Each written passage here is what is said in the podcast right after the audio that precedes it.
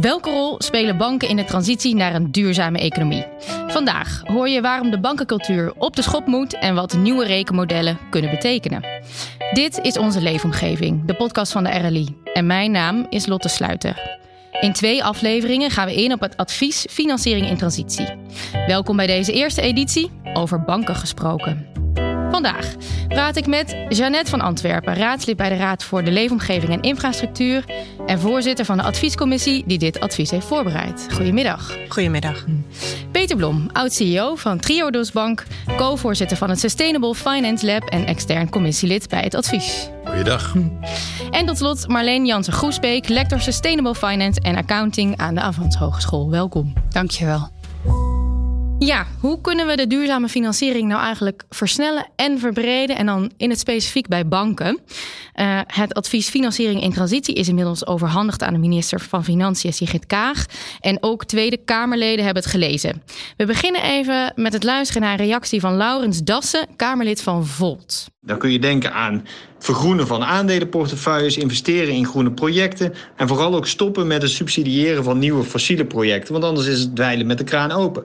En op den duur zal dit natuurlijk bijdragen aan het verminderen van onze afhankelijkheid van die fossiele energie en dus ook van bepaalde landen en we een duurzame en groene economie creëren die ten gunste komt van de maatschappij. Maar we zien nu nog het tegenovergestelde. Het is heel erg gericht op de korte termijn rendementen.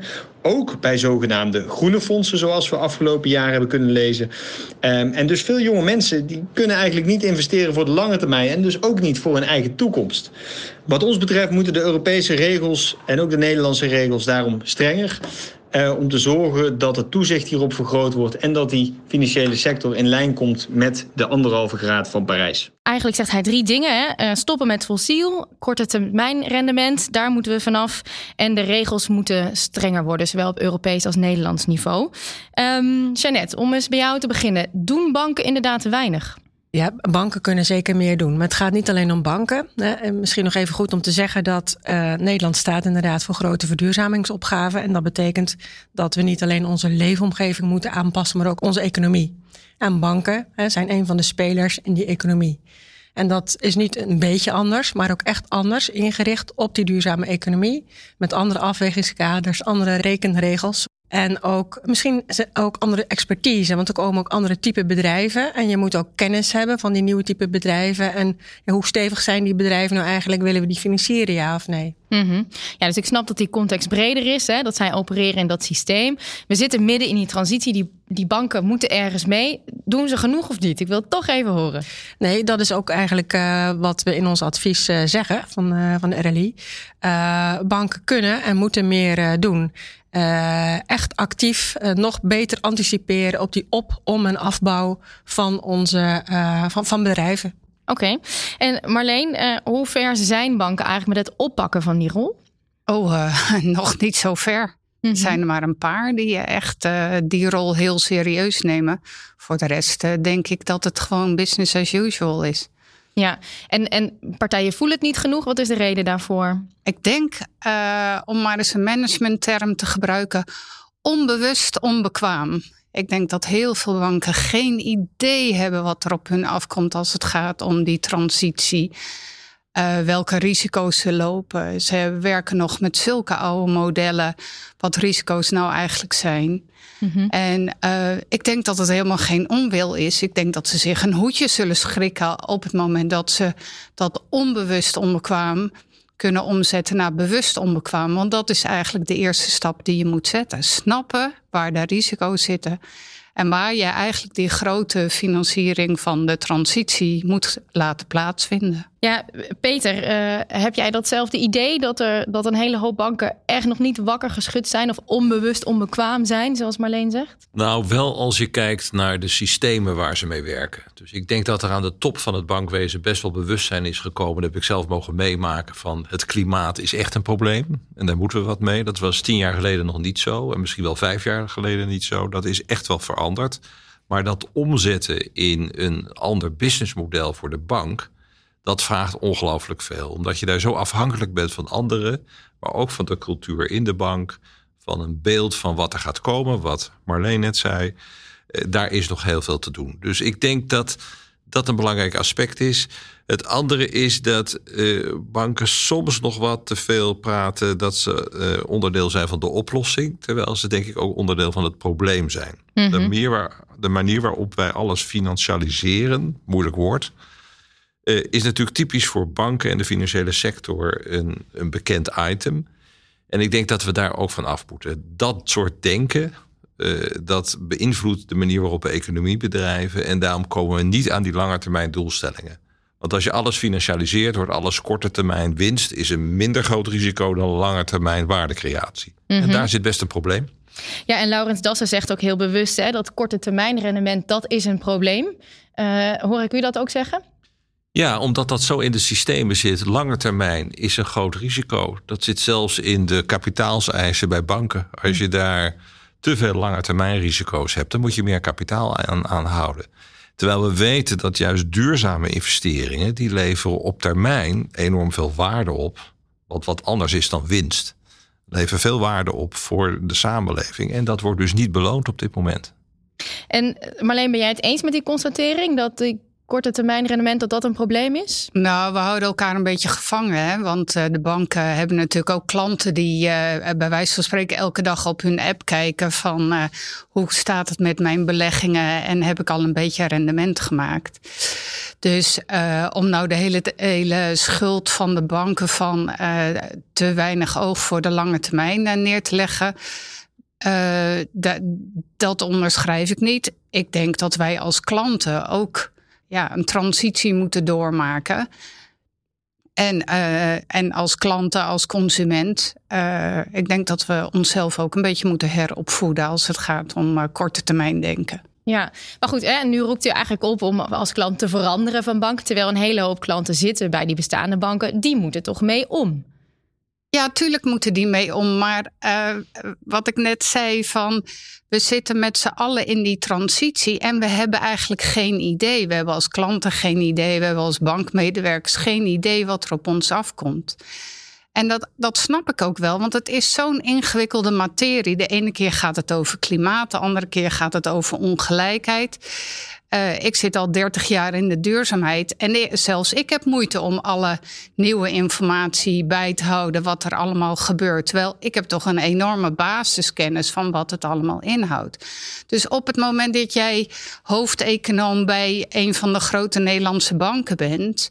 Dan moet jij een hele grote stap maken om te begrijpen waarom de modellen waarmee jij werkt bij die grote bank en waar jouw accountmanagers mee werken en waar jouw beleggingsanalisten mee werken, eigenlijk niet meer geschikt zijn voor de 21ste eeuw. Is het dan tijd voor een nieuwe cultuur bij banken, Jeannette? Jazeker. Dat is ook uh, wat we in onze aanbevelingen aangeven. En de rekenmodellen waar uh, uh, het al eerder in het gesprek over ging, die bevatten nog de data van de bedrijven van vandaag en dus van gisteren. Dus we kijken eigenlijk achteruit als een, als een bank een afweging maakt om een financiering al dan niet goed te keuren. dus onze eerste aanbeveling daarbij was zorg dat je nieuwe data krijgt. data van bedrijven die niet fossiel zijn, die duurzaam zijn. En dan gaat het overigens niet alleen om uh, CO2-reductie, hè, maar dan gaat het ook over uh, bedrijven uh, die geen schade aanbrengen aan biodiversiteit of die versterken. Het gaat ook over circulaire economie. Dus het begint bij gewoon ook SEC andere data in die rekenmodellen stoppen. Ehm, en dan kan je zeggen, ja, maar die zijn er allemaal nog niet of dat is nog niet volledig. wellicht is dat zo, maar je moet ergens beginnen. En vul dan uh, die leemte in kennis verder aan met experts. Dus trek ook mensen aan die die nieuwe markten kennen, die die nieuwe type bedrijven kennen. En zorg dat je die ook inzet bij de afweging om al dan niet een, uh, een financiering uh, te verstrekken. En ja, het is ook een cultuurverandering, want we hadden het net over het korte termijn rendement. Dat is natuurlijk al heel lang dominant. Maar waar we een beetje voor uh, onze kop in het zand steken, is het feit dat je misschien vandaag een, een mooi korte termijn rendement hebt. Maar dat je over een aantal jaren, en dat is misschien wel dichterbij dan je denkt, een groot financieel risico loopt. Mm -hmm. En daarom is er ook een ander bewustzijn nodig. Het kijken in meerdere ja, tijdshorizonnen. Omdat wat je nu hè, nog een goed bedrijf vindt, uh, morgen uh, alweer uh, ja, eigenlijk niet meer kan voldoen aan de wet en re regelgeving. En daarmee ook een risico vormt in je portefeuille, in je financiering. En hoor ik jou dan ook zeggen dat er ander soort mensen nodig zijn? Zeker, zeker. Dus er zijn mensen nodig die echt ja, kennis hebben, bijvoorbeeld van, van waterstof, om maar iets uh, te zeggen. Die energietransitie is natuurlijk een hele belangrijke. Maar ook andere type uh, bedrijfsmodellen. Als je, als je in een circulaire economie zit, dan gaat het veel meer ook over lease bijvoorbeeld. Dus dan ga je ook anders naar assets uh, kijken. Peter? Wat mij opvalt is dat bij banken nog te vaak de duurzaamheid een marketingverhaal is. -hmm. En misschien die modellen aan de achterkant wel worden opgepakt. Maar dat de communicatie naar de klant toe veel integraler moet. Je moet eigenlijk niet meer een product willen verkopen waar ook niet de, waar de ESG-factoren, om het maar zo te zeggen, environment, social en governance, gewoon niet mee ingenomen worden. En als je dat zegt, dat is iets aparts. Hè, dan kijk je maar naar ons mission statement als bank, hoe goed we het allemaal willen. Maar je verpakt het niet in het product zelf. Elk product, niet een paar ja, dan gaat die educatie van de klanten nooit, uh, nooit lopen. En die blijven dan toch dagdagelijks kijken naar het rendement en niet meer en het risico.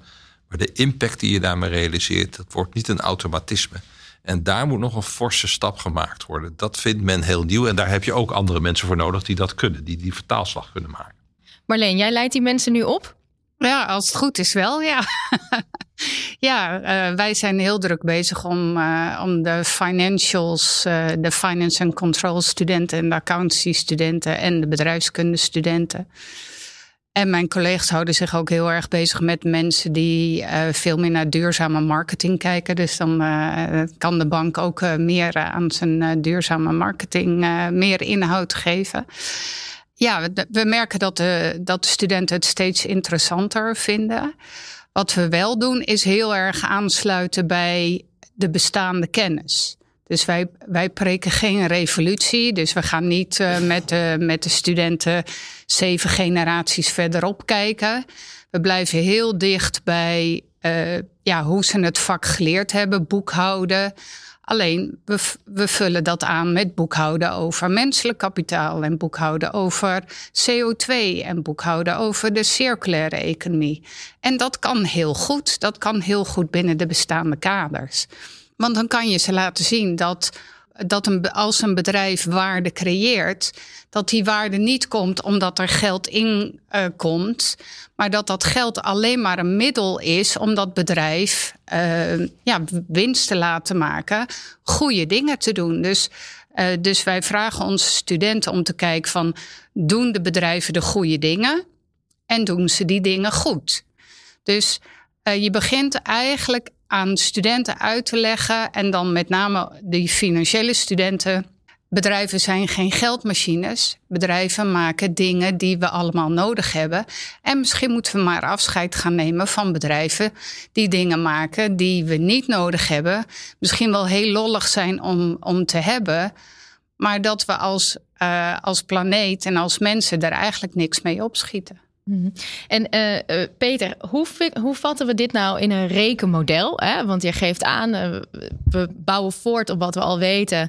En vervolgens gaan studenten daarmee aan de slag. Maar stellen ze ook meer vragen dan alleen wat is die winst? hoe bouw je zo'n model vanuit jouw ervaring? Nou, wij hebben het heel simpel gehouden toen we bij Triosbank daarmee begonnen. Dus eh, tegen de kredietbehandelaar, zoals die toen heette, te zeggen: de eerste vraag die je stelt is: wat is de maatschappelijke lange termijn bijdrage van deze onderneming?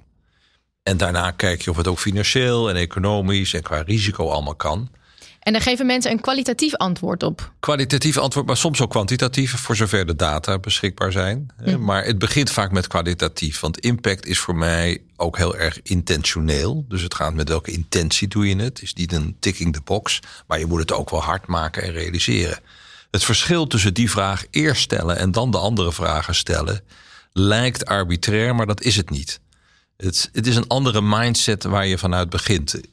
In lijn met wat. Uh, Marleen ook zegt, het is de lange termijn waardecreatie komt eerst en daarna check je een aantal andere zaken af of die ook goed zijn. En dan zie je vaak dat lange termijn waardecreatie er soms wel is, maar misschien niet zoveel winst oplevert. En soms zie je ook wel dat er eigenlijk helemaal geen lange termijn waardecreatie is en dat er wel winst wordt gemaakt. En dat zijn de dilemma's waar de klanten ook tegenwoordig mee geconfronteerd worden. Hoe, hoe breng je dat meer bij elkaar? Je zou eigenlijk een model moeten vinden waarbij winst en lange termijn waardecreatie op elkaar liggen. Ja, en, precies. En, en, niet uit elkaar getrokken worden. Want daar ontstaat het probleem. Ik denk van ja, lange termijn te waarde is mooi. Maar ik heb nu wel even winst nodig. Ja, nee, maar dat, dat doen wij ook. Hè. Wij, wij noemen dat kwaliteit van de winst. Van, uh, als je winst maakt, hè, wij zien bedrijven niet als filantropische instellingen. We vinden het heel normaal dat bedrijven winst maken. Maar het gaat om die kwaliteit van die winst. Hoe uh, komt jouw winst omdat je uh, net zoals in het slavernijverleden, omdat je mensen uitbuit en mensen onder een leefbaar loon aan het werk zet. Maak je die winst omdat je bepaalde mensen wegstuurt van een heel mooi natuurgebied, omdat je daar tin of, uh, of allerlei andere dingen uit de grond wil halen. Um, dus het gaat heel erg, waar we met de studenten heel erg mee bezig zijn, is van kijk nou eens goed naar de, de, die winst, naar dat financiële getal. En hoe is dat financiële getal tot stand gekomen? En, en dan begint, en dan, dan kom je dus uh, voorbij dat onbewust onbekwaam. Want dan realiseer je van hoe, hoe moeilijk het eigenlijk is om bedrijven heel goed te analyseren en goed te zien waar ze mee bezig zijn en of ze wel waarde hebben voor ja, onze samenleving en voor de mensen. Jeannette, ik zie jou knikken. Nou ja, een van de tools die je daarvoor kunt gebruiken en uh, die uh, een aantal bedrijven ook gebruikt, dat zijn de ontwikkelingsdoelen van de Verenigde Naties. Die zijn uh, eigenlijk heel veelomvattend, van de fysieke duurzaamheid, maar ook als het gaat om armoedebestrijding. En ehm, ook al zijn ze kwalitatief, uh, je kunt ze als uh, kader, zoals Marleen eigenlijk net aangeeft, heel goed gebruiken om te kijken van ja, wat doet dat bedrijf nou eigenlijk en hoe, hoe draagt het al dan niet bij aan die ontwikkelingsdoelen van de Verenigde Naties. Waarbij ik ook wel een belangrijke vind, dat is eigenlijk even het woordje waardecreatie, wat net ook voorbij kwam. We spreken heel snel over waardecreatie, dat is natuurlijk ook het doel. maar het begint er al mee dat we niks beschadigen. Dus dat we beschadiging voorkomen. En dat is al stap één. En daarna gaan we zeg maar creëren. En soms vernietigen we natuurlijk ook heel veel door ons ingrijpen. Ja, ik zelf gebruik ik wel eens het woord ruimtelijke inrichting. Hè? We, we hebben het altijd over ruimtelijke inrichting. En dat klinkt heel vriendelijk, want je gaat iets inrichten. Maar als je niet uitkijkt, ben je ook iets aan het vernietigen. Als je, als je gaat bouwen, bijvoorbeeld. Mm. En, en toch klinkt dit redelijk simpel. Hè? Uh, we kijken eerst naar de lange termijn waardecreatie. En vervolgens gaan we daar de rekenmodellen op loslaten. Klinkt erg. ja. ja. Nee, daar moet nog iets bij natuurlijk, wet en regelgeving. En dat is iets wat ook steeds strenger wordt. Uh, dus dus, dus uh, ook uh, dat je een, een, boete krijgt, bij wijze van spreken, als, het, als je CO2 uitstoot. Dus dat, die context van wet en regelgeving moet natuurlijk wel meegaan. Maar we moeten er ook niet op wachten, want dat wordt ook vaak wel als excuus gebruikt. Ja, de wet en regelgeving staat dit en dat nog toe, dus wij doen het dan ook. het gaat erom dat iedereen vanuit zijn eigen rol en verantwoordelijkheid ja, ook die verantwoordelijkheid pakt. Om te kijken, ja, maar hoe uh, hoe zit ik uh, uh, in die transitie naar een duurzame economie? Maar het blijft wel een vraagstuk voor de mensen die onderaan de samenleving zitten met beperkte inkomens. Of zij die keuze tussen lange termijn waardecreatie en korte termijn profit. Of ze die ook wel altijd kunnen maken. En of dat fair is om dat van ze te vragen. Dus je kan het niet in isolement zien. Je moet ook zorgen dat mensen voldoende inkomen hebben. Dat ze die keuze ook kunnen maken. Of je moet zorgen dat de mensen die de keuzes maken die niet goed zijn, ook belast worden. Dus om dat allemaal terug te voeren op van als je eenmaal weet hoe het zit, dan nee, maak je wel de goede keuze. Daarmee ontken je dat er ook een hele sociaal-economische realiteit is. Dat is voor de elite redelijk goed te doen. Eh, middeninkomens en daarboven. Maar daaronder is dat echt een vraagstuk. Ja, oké. Okay. Maar goed, los van die klanten wil je dat banken die inschatting goed maken.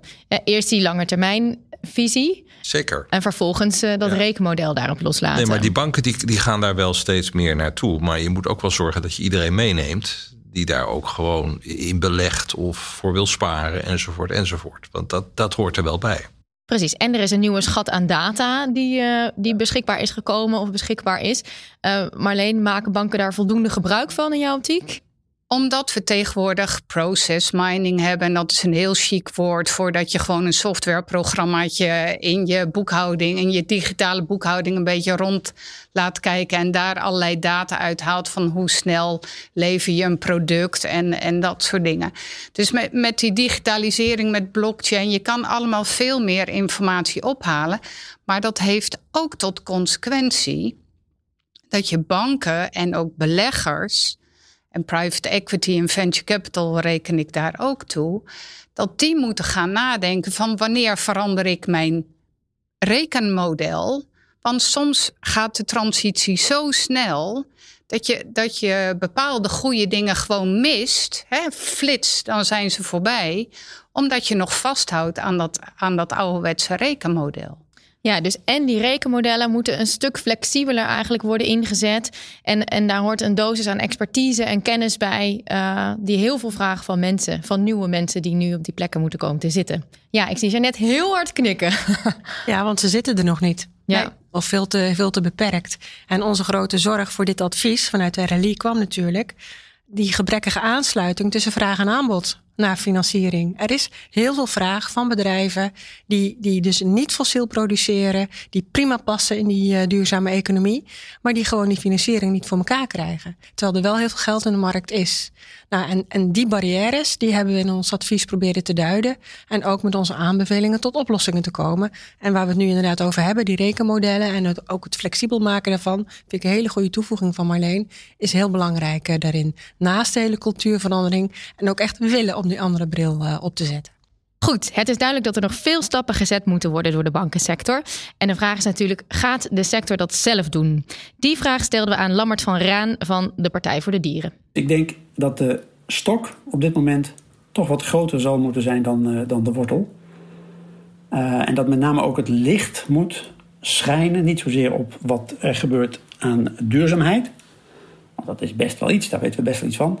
Maar met name die schaduwkant van de financiële sector, die, die toch wat duister blijft van hoeveel geld zit er nu grosso modo in het instand houden van die 2,7 uh, economie, 2,7 graden economie, die, zoals we allemaal weten, destructief is. Dus ik denk dat de stok een stuk groter moet zijn en dat de wortel wel wat, uh, wat minder mag zijn. Met name in die business as usual uh, financiering. Ja, um, meer regels zijn nodig. Jeannette, uh, welke stok zou de overheid dan precies moeten oppakken? Het beprijzen van ja, negatieve externe effecten op ons klimaat of op onze, ja, op onze maatschappij. En dat is dus breed. Dat is niet alleen CO2-beprijzing. Dat zou ook kunnen gaan over uh, ja, biodiversiteit. als je die vermindert of niet verbetert. Um, dus dat vraagt overigens ook nog wel veel kennis. Hè? Want wil je de juiste beprijzing, de juiste normen, de juiste regels gaan instellen, dan, dan moet dat ook wel weer kloppen. Hè? Dan moeten ze het juiste effect hebben. En uh, aan die kant gebeurt uh, wel veel, ook op Europees uh, niveau. Het helpt wel heel erg dat de Europese taxonomie is gemaakt. die is nu ook in, in, in wording als het gaat om circulaire economie en biodiversiteit. Dus dan krijgen we ook meer grip op wat gaan we dan beprijzen en hoe gaan we dat doen. En dat zal, ja, ik zie dat maar als een soort tanker die, die wel in beweging is en, en, en misschien wel steeds harder gaat varen. Uh, zo zie ik het ook met die ja, wet- en regelgeving kant. Die zal steeds meer ja, de, de oude economie, de huidige economie uh, bestraffen. En een duurzame economie daarmee belonen. En daarmee wordt het ook gemakkelijker om een volwassen markt te creëren voor bepaalde duurzame producten en diensten. Mm -hmm. Marleen, eens dat er echt veel strenger overheidsbeleid moet komen? Nee. Nee? Nee, de Vertel. overheid moet zelf ophouden met die fossiele wereld in stand te houden. Ik denk dat banken op dit moment helemaal verzuipen in de, in de regelgeving en in de kleine lettertjes. En dat het helemaal niet meer leuk is om, uh, om op deze manier uh, te bankieren. Ik denk dat we veel te veel in de omgeving van banken nog steeds uh, ja, een economie hebben gecreëerd die het oude systeem in stand houdt. Um, de, we weten dat de lobby van de bedrijven die in de fossiele industrie zitten heel sterk en heel groot is. Um, Ik denk dat als we kijken naar de dingen die we in Nederland doen, dat we ook veel te angstig zijn om radicale keuzes te maken. Wat willen we nou eigenlijk in dit landje allemaal laten gebeuren? Wat willen we mogelijk maken?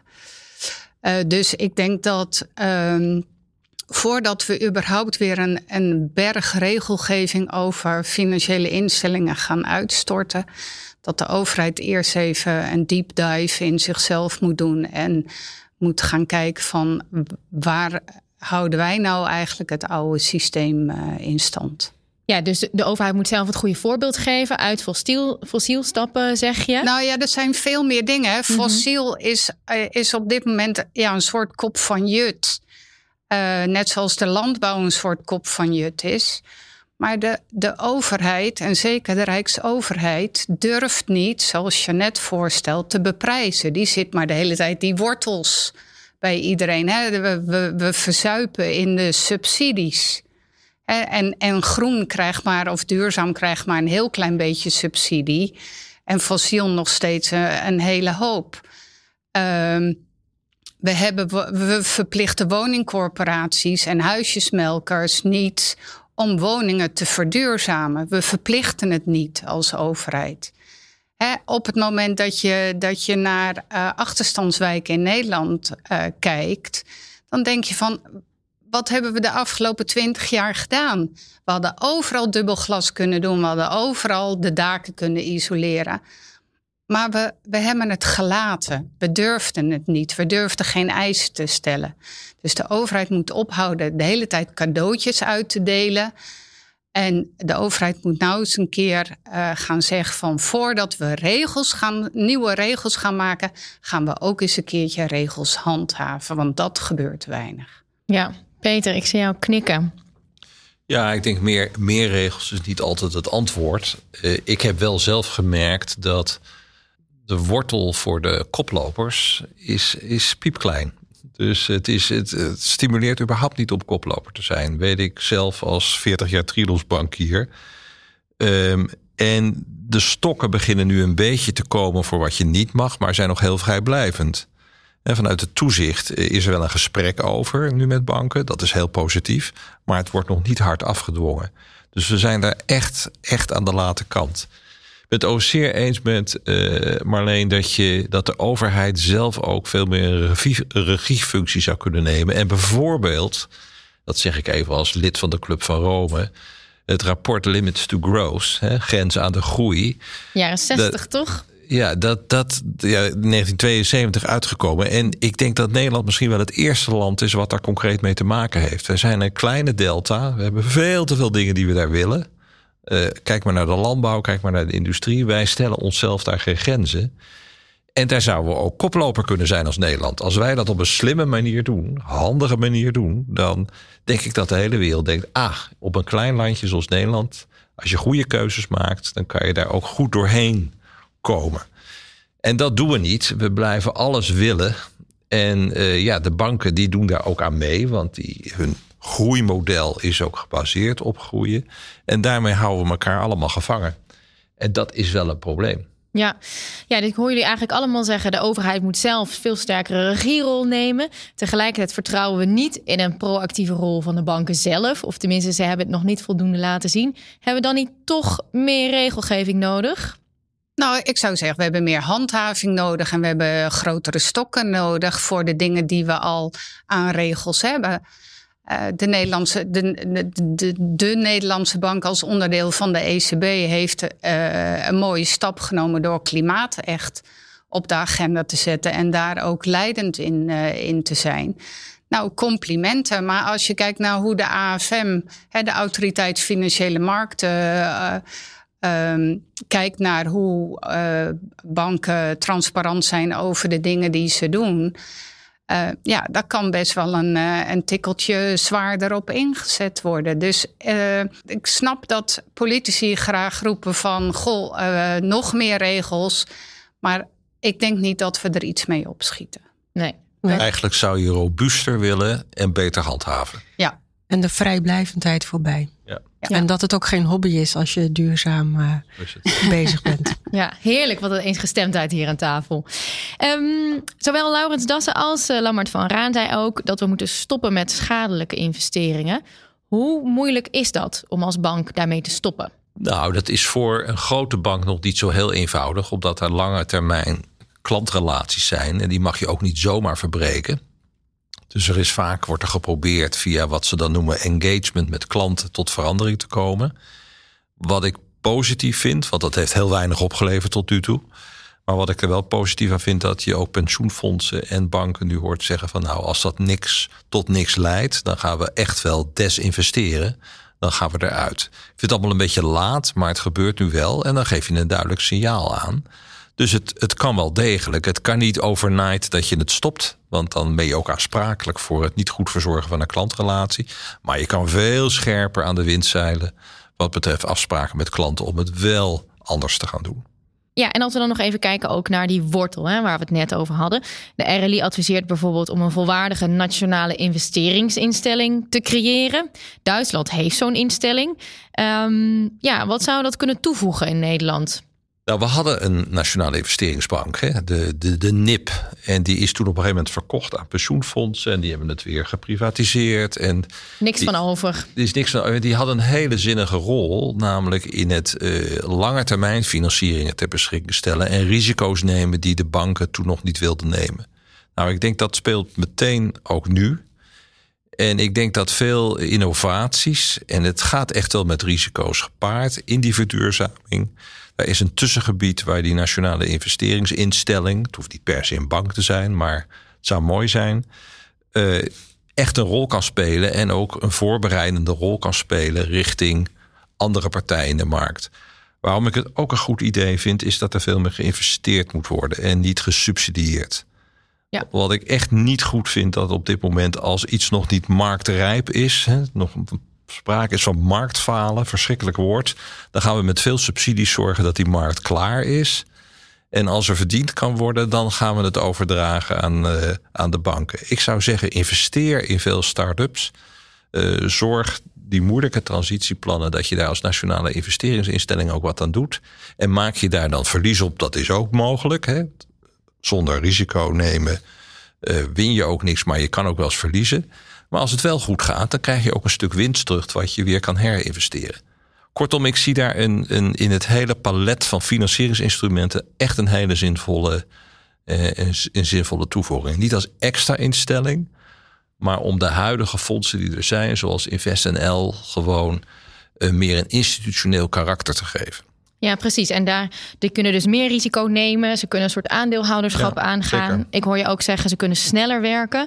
Uh, kunnen we nou ja, meer uh, ik, ik heb bijvoorbeeld het voorbeeld wat ik gehoord heb in, in Duitsland was een nieuw uh, gasterminal was nodig in het noorden. Ja, wie gaat dat nou organiseren? Ga je dat als overheid doen? Nou, dan bellen ze het KfW, dat is de Nationale Investeringsinstelling in Duitsland. En die gaat ermee aan de gang en die brengt partijen bij elkaar. Die zegt: Ik neem dit risico als jij dit wil financieren. Als overheid heb je dan ook een professionele partij die dat gaat organiseren. En de eerste gas terminals, of je het daar nou mee eens bent of niet, zijn wel geopend en het werkt. En in Nederland gaan we er een speciaal fonds voor inrichten. Eh, we gaan vanuit de Kamer heel nauw kijken hoe dat allemaal moet. En dat werkt niet. We moeten daar veel meer afstand creëren tot de politiek. Maar het moet wel een publieke instelling zijn. Het gaat wel voor het algemeen belang. En niet alleen maar om, uh, om banken te helpen. Hm. En Marleen, geloof jij daarin, zo'n nationale investeringsinstelling? Nou ja, als we het niet anders doen dan, uh, dan we het de afgelopen jaren hebben gedaan, dan zou ik zeggen, begin er niet aan. Dat is allemaal onzin. Ik bedoel, we hebben zoveel uh, grote fondsen gehad waar, uh, waar zogenaamd dan investeringen meegedaan zouden worden die risicovol zijn. Maar als je kijkt naar uh, hoe het uiteindelijk dan uitpakt, dan, dan, dan zijn die fondsen nog voorzichtiger dan, uh, dan de beleggers en de banken zelf. Het moeilijke is, is dat aan, aan het hoofd van dat soort fondsen komen altijd oud-politici en mensen die niet uit de sector zelf komen. En die hebben gewoon geen verstand van hoe je nou op een private equity manier of op een venture capital manier of op een veel risico, uh, andere manieren van risicovolle beleggen manier uh, naar, ja, naar die nieuwe investeringen zou, uh, zou moeten kijken. Dus ik bedoel, huur, huur een verschrikkelijke Amerikaanse hedge fund manager uit in om uit te leggen van hoe dat voor dingen werken en hoe je, hoe je risico's kan bepalen. Zet daar uh, Peter bij of uh, Dirk Schoenmaker of Willem Schramade. Die kunnen uitleggen van uh, welke, welke dingen je, waar je op moet letten bij duurzaam financieren. En dan krijg je een fonds wat spierballen heeft en wat ook echt van ja, die transitie vorm kan geven. Maar het staat en valt bij een overheid die die regie wil nemen over die, die transitie. Peter is het daar niet helemaal mee eens. Nou, ik ben het ermee eens dat de overheid regie moet voeren. Maar regie houdt ook in om duidelijk te maken wat je niet moet doen, zelf moet doen. Dus ik denk zo'n plan van uh, limits to growth in, in de delta en wat dat betekent, dat moet van de overheid komen. Daarin zijn investeringen nodig. Hè. Er zijn allerlei dingen voor nodig, maar ook investeringen.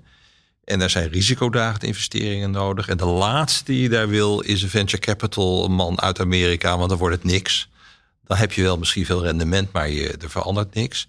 Dus ik denk dat je met zo'n instelling met een helder mandaat veel meer kan bereiken als brug tussen wat pensioenfondsen kunnen en willen en wat banken kunnen en willen. Of aparte fondsjes die allemaal hun eigen leven hebben. En daar ben ik wel een groot voorstander van zo'n investeringsinstelling. En ik vind ook de voorbeelden uit het buitenland ook uh, vrij overtuigend.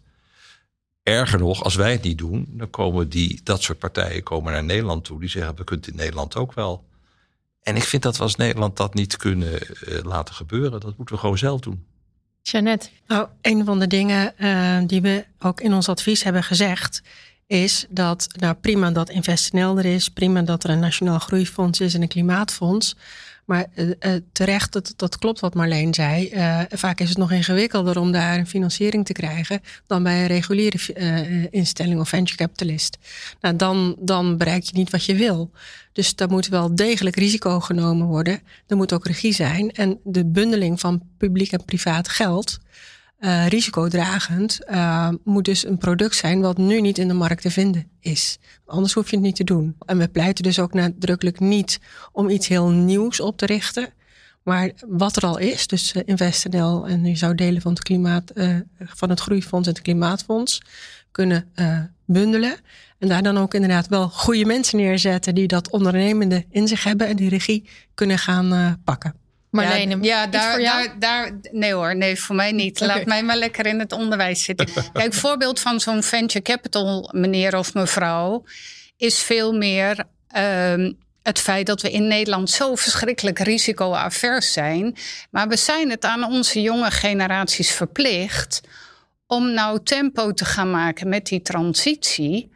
Want anders zijn het geen Syriërs die hier naartoe willen om te ontsnappen aan de oorlog. Maar moeten wij met z'n allen Duits gaan leren omdat we uh, droge voeten willen houden. En dan worden wij de vluchteling. Helder. Goed, afrondend. Uh, volgens mij bent u unaniem over het belang van een stevige overheid. En dat zij in ieder geval stevig ook de regie moeten nemen. Um, zijn jullie optimistisch? Ik ga even het rijtje af. Jeannette. Ja, ik ben altijd optimistisch. En naarmate het moeilijker wordt, is het ook van belang dat je nog optimistischer bent. En dat je gaat vechten, niet gaat vluchten. Maar ik eh, voel ook een knoop in mijn maag, want het gaat inderdaad veel te langzaam. Ja, Marleen? Um, ik zeg altijd: het is mijn morele plicht om optimistisch te zijn. Want uh, anders ga ik echt uh, morgen onder het dekbed liggen en dan kom ik er niet meer onder vandaan. Dus. Uh... Oké. Okay. Dus onder het dekbed een beetje pessimistisch, begrijp ik. nou, in ieder geval, wat, wat ik het leuke vind aan uh, werken met 18 tot 26-jarigen is dat je een blik hebt op de toekomst. Peter, hoe zie jij die toekomst? Ik laat me nooit verleiden tot optimistisch en pessimistisch. Ik kan het heel erg pessimistisch zien. Ik kan het ook heel optimistisch zien. Het is net met naar waar je kijkt. Gek genoeg, als ik terugkijk, denk ik dat er heel veel gebeurd is in de laatste jaren. Het feit dat financiers vijf jaar geleden niet allemaal geloofden in climate change en nu eigenlijk allemaal wel, helpt in ieder geval de mindset. pessimistisch als ik zie hoe wij de dingen nou, in allerlei bureaucratische vertragingen brengen en overleggen brengen. En, en eigenlijk allemaal zo goed willen doen. En uh, dat we niet snel genoeg vooruitkomen. En dat, die cultuur zit heel erg in Nederland. En daar moeten we wel met elkaar. We moeten veel meer een cultuur krijgen van ja, proberen, hartstikke goed, niet gelukt, nog een keer proberen. Falen is leren. Falen is leren. En als dat gaat gebeuren, dan denk ik dat we veel meer uh, kunnen. Goed, dank u wel. Jeannette van Antwerpen, Peter Blom en Marleen Jansen-Goesbeek, dank voor jullie komst uh, naar de studio. En in de volgende aflevering van Onze Leefomgeving, de podcast van de RLI, praten we verder over het advies Financiering in Transitie. Welke kansen biedt het nieuwe pensioenstelsel bijvoorbeeld voor duurzame investeringen en zijn staatsobligaties verleden tijd? Dat en meer. U bedankt voor het luisteren. Mijn naam is Lotte Sluiter. Graag tot dan.